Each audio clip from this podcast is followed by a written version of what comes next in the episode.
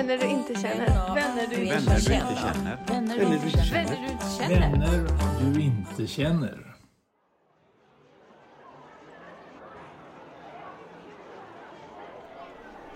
Där står Mia Börjesson på scenen och tittar ut över alla tonåringar som väller in i aulan. Jag har precis lärt känna Mia och fått följa med för att lyssna när hon ska föreläsa för en högstadieskola. Ja, jag tycker att tonåringar i grupp är lite skrämmande. Och jag tänker att det här kommer aldrig att gå. Hon kommer inte ha en chans att få tyst på dem, de kommer att krossa henne. Då harklar hon sig och säger Hur många av er har gått en kysskurs och lärt er att kyssas rätt? Några sekunders tystnad, några förlägna skratt. Hon har dem helt i sin hand under resten av timmen. Och jag, ja, jag har fått något av en ny idol. Give me a play by play. How will you spend the day with me, baby?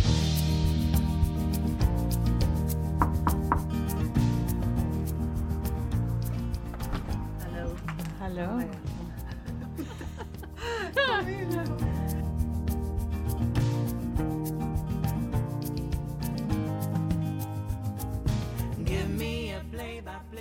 Och nu är jag hemma hos dig Mia. I din skinnsoffa som vi hoppas inte ska knarra för mycket. Och jag har ju lyssnat på dig som föreläsare ganska mycket och vi känner ju varandra också. Kan inte, om du skulle berätta vem du är och vad du gör som yrkesmänniska för någon som inte alls vet, vad skulle du säga då? Ja, jag är en kvinna i 60-årsåldern som har varit socionom nästan i 40 år. Och hela den tiden så har jag arbetat med barn och unga, mest tonåringar. Och yrkesvalet, jag tror att det handlar om att jag var ganska ung när jag gick min utbildning. Att det fanns förväntningar att om man var ung skulle jobba med andra unga. Men jag tror också att jag tidigt hade en önskan om att göra gott. Jag vet att jag under gymnasiets första år såg en film om Hassela kollektiv. Där man berättade om hur man hämtade ungdomar från Stockholm och så var det, erbjöd man dem då behandling under ett antal år i Bergslagen eh, på olika kollektiv. Och när jag såg den här filmen så vet jag att jag tänkte det vill jag jobba med. Och då sa du när jag var ganska ung när jag gick min utbildning. Vad, vad är du utbildad som egentligen i grunden? Ja, jag har gått min socionomutbildning. Så den gick jag direkt efter gymnasiet. Jobbade bara ett år. Så du gick direkt från gymnasiet och, och då är du uppvuxen, nu kommer inte jag ihåg, men det är, det är något litet ställe i Småland, vad är det? Ja, ett litet ställe i Småland. Det är fyra mil söder om Jönköping. Och så gick jag gymnasiet i Nässjö. Och sen så sökte jag högskolan och så kom jag in i Östersund. Så att jag flyttade väldigt tidigt, långt bort. Men jag hade målet tydligt framför mig att jag ville gå eh, socionomprogrammet. Så jag gick där i ett år och sen sökte jag till Örebro. Eh, över till den högskolan, för där bodde min stora kärlek. Som kan vi tillägga fortfarande är din stora kärlek. Ja. Som en liten parentes. Men jobbar du sen på Hassela eller hur var det? Det gjorde jag. Jag var där 84-85, men det var ju väldigt tufft och jag hade min kärlek med mig. När det gått två år så sa han att vi ska nog göra något annat. Kanske det svåraste man kan göra är egentligen att man samlar många människor som mår dåligt på ett ställe. Och så ska man försöka ge dem eh, friskfaktorer, skyddsfaktorer, allt som har med psykisk hälsa att göra under ett tak. Nu hörde jag att du använde ett begrepp som jag har hört dig använda mycket i dina föreläsningar. Och det är det där med friskfaktorerna. Har du lust att berätta lite om, för det har du haft med dig mycket. Ja. Och då får vi flytta oss fram till eh, mitten på 90-talet. Eh, jag tror att för de allra flesta socia- socialarbetare så är det så att man kan väcka vem som helst av oss mitt i natten och säga kan du räkna upp tio riskfaktorer för att det ska gå dåligt för barn och unga? Vi är väl bevandrade i det. Till exempel mobbing, utanförskap, exkludering, missbruk, läkemedelsmissbruk, eh, våld. Listan går jag lång. Det kan vi. Men i mitten på 90-talet så fick jag höra talas om Aron Antonovsky som skapade det som vi idag kallar för salutogenes. Läran om människans hälsa.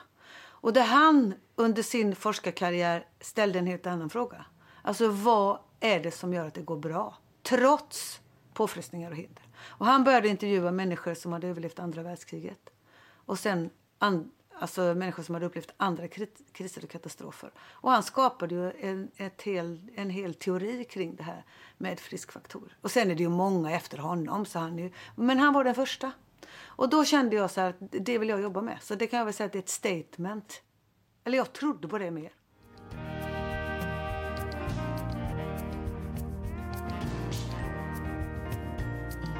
Har du alltid gillat ungdomar så där mycket? Eller varför kommer, var kommer den där stora kärleken ifrån? Ah, jag, jag tänker så här någonstans. Barn och unga, de gör så gott de kan. Alltså det är inte, jag har aldrig tänkt att en ungdom provocerar eller ska liksom jävlas, om man nu får använda det uttrycket. Utan de gör det som de för stunden tror är det som går framåt. Gör vi som är vuxna på samma sätt? Tänker du så om oss också? Nej, jag begär nog lite mer av vuxna tror jag. Faktiskt. Jag, jag tror det, att jag gör det. Alltså jag har mycket mer tålamod med barn och tonåringar och ungdomar än vuxna. Jag, jag tror det faktiskt. Att jag, om jag ska vara ärlig så tror jag det. Är det någonting från där du kommer, din barndomsmiljö på den här lilla orten i Småland, som du tror att det kommer därifrån? Eller var kommer den där superstarka känslan ifrån? Alltså jag hade ju en mormor som var född 1907. Som var den största feministen under hela min barndom. Alltså jag hör henne när jag är liten. Du ska ha eget körkort och egna pengar innan du har en man. Du ska gå på högskolan, det har ingen annan i vår familj gjort. Och hon fanns ju där liksom. Inte, alltså det, jag uppfattade inte att det var ett krav. Utan det var ett mål, en önskan. Och hon ville vara med och göra det möjligt. Mm. Men hon hade sett liksom... Ja, men hon fick inte göra några egna val. Hennes eh, väninnor fick inte göra några egna val. Eh, och hon hade nog en dotter som inte heller fick göra helt egna val. Där män hade styrt väldigt mycket. Så att hon var supernoga med sånt. Att man... eh, Ja, egna pengar och körkort. Det var jätteviktigt innan man, innan man hade en man. Om man nu ville ha det. Hon var ganska öppen sådär. Men hon hade varit med om saker. Hon hade haft till exempel en bästa väninna som blev gravid.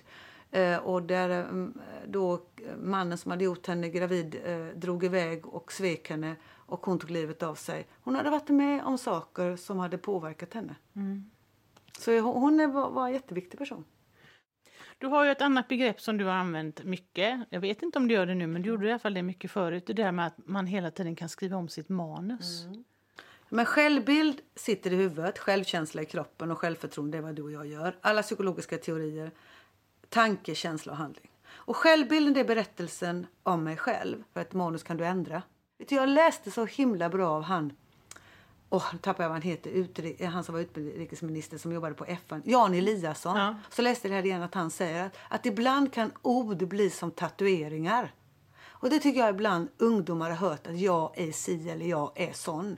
Och så har vuxna liksom nästan tatuerat in att de är på ett speciellt sätt. Och det där är livsfarligt. Vi vuxna borde verkligen tänka på hur vi pratar om barn och unga.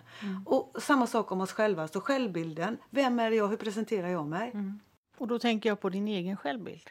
Yes. Har du själv skrivit om din manus, ditt manus? Har du haft anledning att göra det? Har du, har du gjort det under ditt liv nu när du är 60 års ålder? Hundratusen gånger. Alltså jag jobbade ju 20 år som socionom. Hade ju inga planer på att bli någon föreläsare eller ha ett eget företag och resa runt till. Alltså det fanns inte med på min karta. Det hade jag aldrig tänkt tanken. Och så fick jag ju chansen då att börja jobba i Norge. Och bara det, säga upp sig från ungdomsmottagningen som var det bästa jobbet jag någonsin haft. Hade fantastiska arbetskamrater och så roliga arbetsuppgifter. Nej men det krävde jättemycket mod och det var många som kraxade och sa att det kommer inte gå bra. Men jag tänkte, och min eh, livskamrat sa, det gör vi. Vi provar. Du kan alltid gå tillbaks. Och vad tror du det är som har gjort hos dig att du när du nu har fått frågor på olika sätt, att du faktiskt har vågat säga ja? Ja, det är massor med olika saker. Men kanske också ett, att jag har ett självbild som säger att jag behöver inte vara perfekt. Jag måste inte klara allting från början. Det är okej att misslyckas och göra fel, för det gör man. Och sen tror jag att jag har en livskamrat eh, där jag känner att det spelar ingen roll om jag gör bort mig. Jag har ett socialt skyddsnät. Jag tror att det är superviktigt. Att man har någon som man vilar på. Det tror jag är, ja, men det är ovärderligt när man ska vara modig. Nothing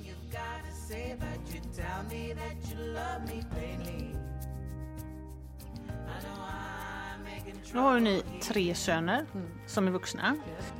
Hade, har du lyssnat på dig själv som den professionella människan? Har du kunnat det gentemot dina barn? Det borde du fråga dem. Men jag tror det faktiskt. Jag tror det. Att jag... Men jag var väldigt sträng. Det, det kan jag inse. Att man, det är klart att man... Ibland kunde de säga så här... Har du någon jädra eh, spion ute? För det är klart att ibland visste man saker och ting i förväg. För man kunde läsa tecken. Mm. Jag brukar ibland skratta åt det där också för de kunde ju säga så här, är detta en frisk faktor eller? Jag tvingade ju dem att dansa till exempel. Ja. för det sa jag på skoj liksom till min man så här, att ja, nu, måste, nu måste de lära sig att dansa för då super de mindre. Då behöver de inte supa skallen av sig så att de går på dansskola. Och det kunde de ju säga de sa, ah, detta är ju en frisk faktor. Alltså. Men jag, nu tänker jag att det, det kan man väl bjuda på. Ja, det kan man bjuda ja. på. Nej, men jag har nog varit noga med att säga att, att det här tror jag på. Det här, det här behöver du ha med dig. Sen klart att man har ett sånt jobb som jag där man också vet alla faror att man blir sträng. Ja. Det tror jag. Men bara man förklarar varför. Mm. Mm. Det vet jag Malin en gång att jag sa till dig att du skulle tvinga ditt barn att göra en sak. Det glömmer jag aldrig. Kommer du ihåg det? Ja, då. Och då så blev du jättetveksam. Men jag Ja. sa det är viktigt att tvinga dem. För att när man tvingar dem så ser de också att de överlever. Ja. Och då blir segern så jädra stor. Mm. För vi måste tvinga oss att göra saker i livet. Mm. Det är inte så att allting är kul. Utan vi hamnar i massor med saker som är otäcka, oroliga. Men vi måste ändå göra dem. Men det var ju inget farligt. Det var ingen farlig Nej, sak, utan det nej, handlade om nej. en fritidsaktivitet. så kan man säga. Ja. Ja. Och, och det är också det här att alltså, vi vet ju idag att det inte är bra att bara sluta för att det är tråkigt eller för att man känner för det. För det finns ingenting som bara är kul. Nej. Och där är också det här om man spelar i en orkester, dansar i ett danskompani, spelar fotboll eller spelar World of Warcraft eller vad det är. Då är ju andra också med i detta. Och vad händer om du slutar med de andra? Det är också en bra tanke. Nu ska du gå vidare i din, i din jobbvecka nu Yes. ehm, och har en massa saker som du ska göra. Kan du inte bara säga lite hur din jobbvecka ser ut, lite svepande? Ja, men det är ju mycket handledning, psykosocial handledning där jag möter olika yrkesgrupper som till exempel fältarbetare, skolkuratorer, socialsekreterare eh, i att utvecklas professionellt.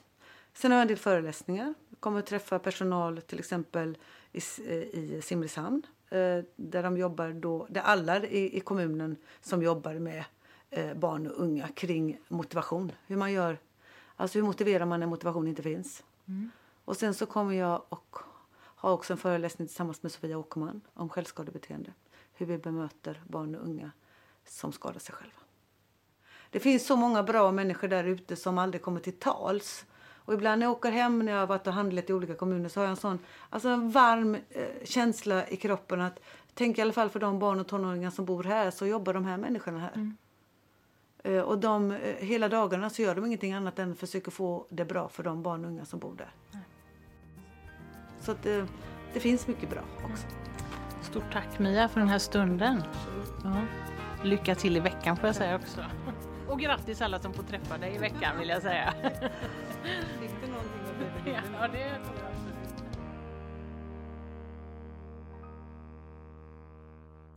Det här avsnittet av Vänner du inte känner spelades in 26 februari 2023. Jag heter Malin Öst.